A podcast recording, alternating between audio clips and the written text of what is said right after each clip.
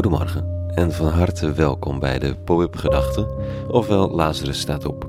Ik ben Rico en ik schrijf overwegingen om de dag mee te beginnen. Vandaag met de titel Wat is het goede nieuws? Pop-up Gedachten vrijdag 5 november 2021.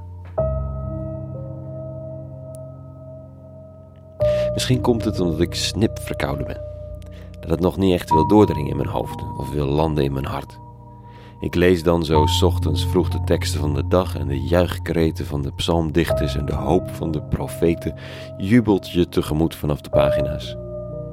In elke zin klinkt een het komt goed, de eeuwige komt eraan, hij komt het allemaal redden of hij heeft het allemaal gered. En het enige wat me opvalt is het contrast met het gevoel van de dag.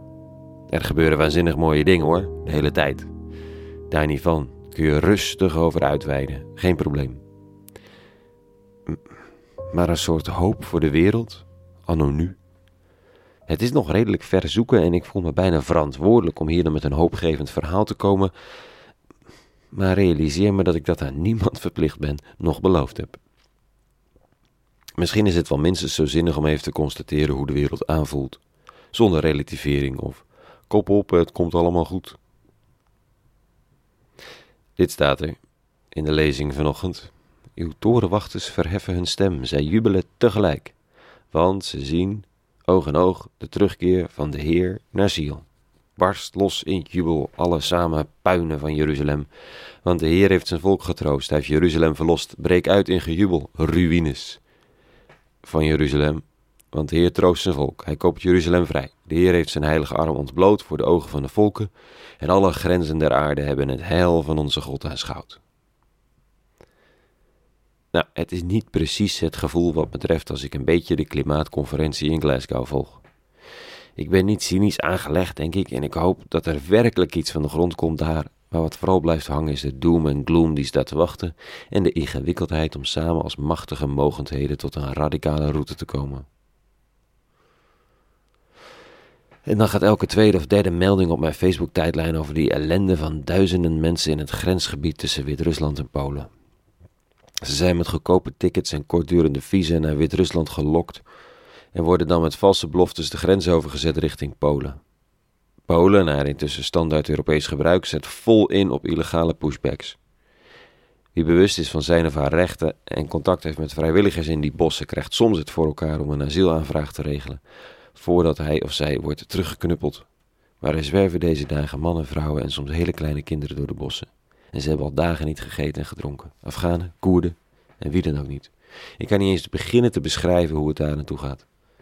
Gisteren zei iemand die daar actie op onderneemt dat het in de korte tijd dat het is ontstaan nu al op de Middellandse Zee na de dodelijkste grens is van Europa.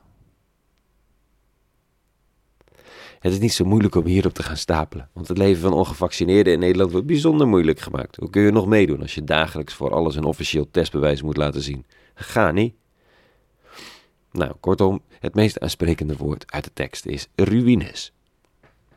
En nogmaals, misschien komt dat door mijn verkoudheid, dat kan. En ik vind het tof dat ruïnes in potentie kunnen juichen.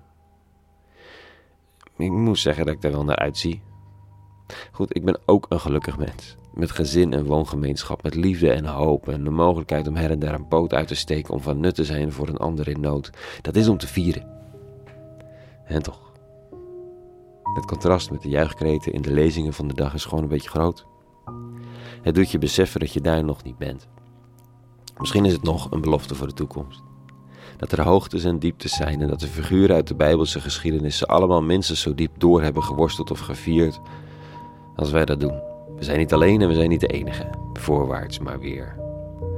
De dag wacht op mensen die elk geval in deze dag geloven als een dag om weer aanwezig te zijn met wat we kunnen en lief te hebben met hoop.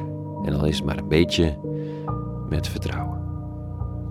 Een hele goede vrijdag gewenst. Een heel goed weekend. Maandag weer een nieuwe pop-up gedachte. En voor nu, vrede gewenst.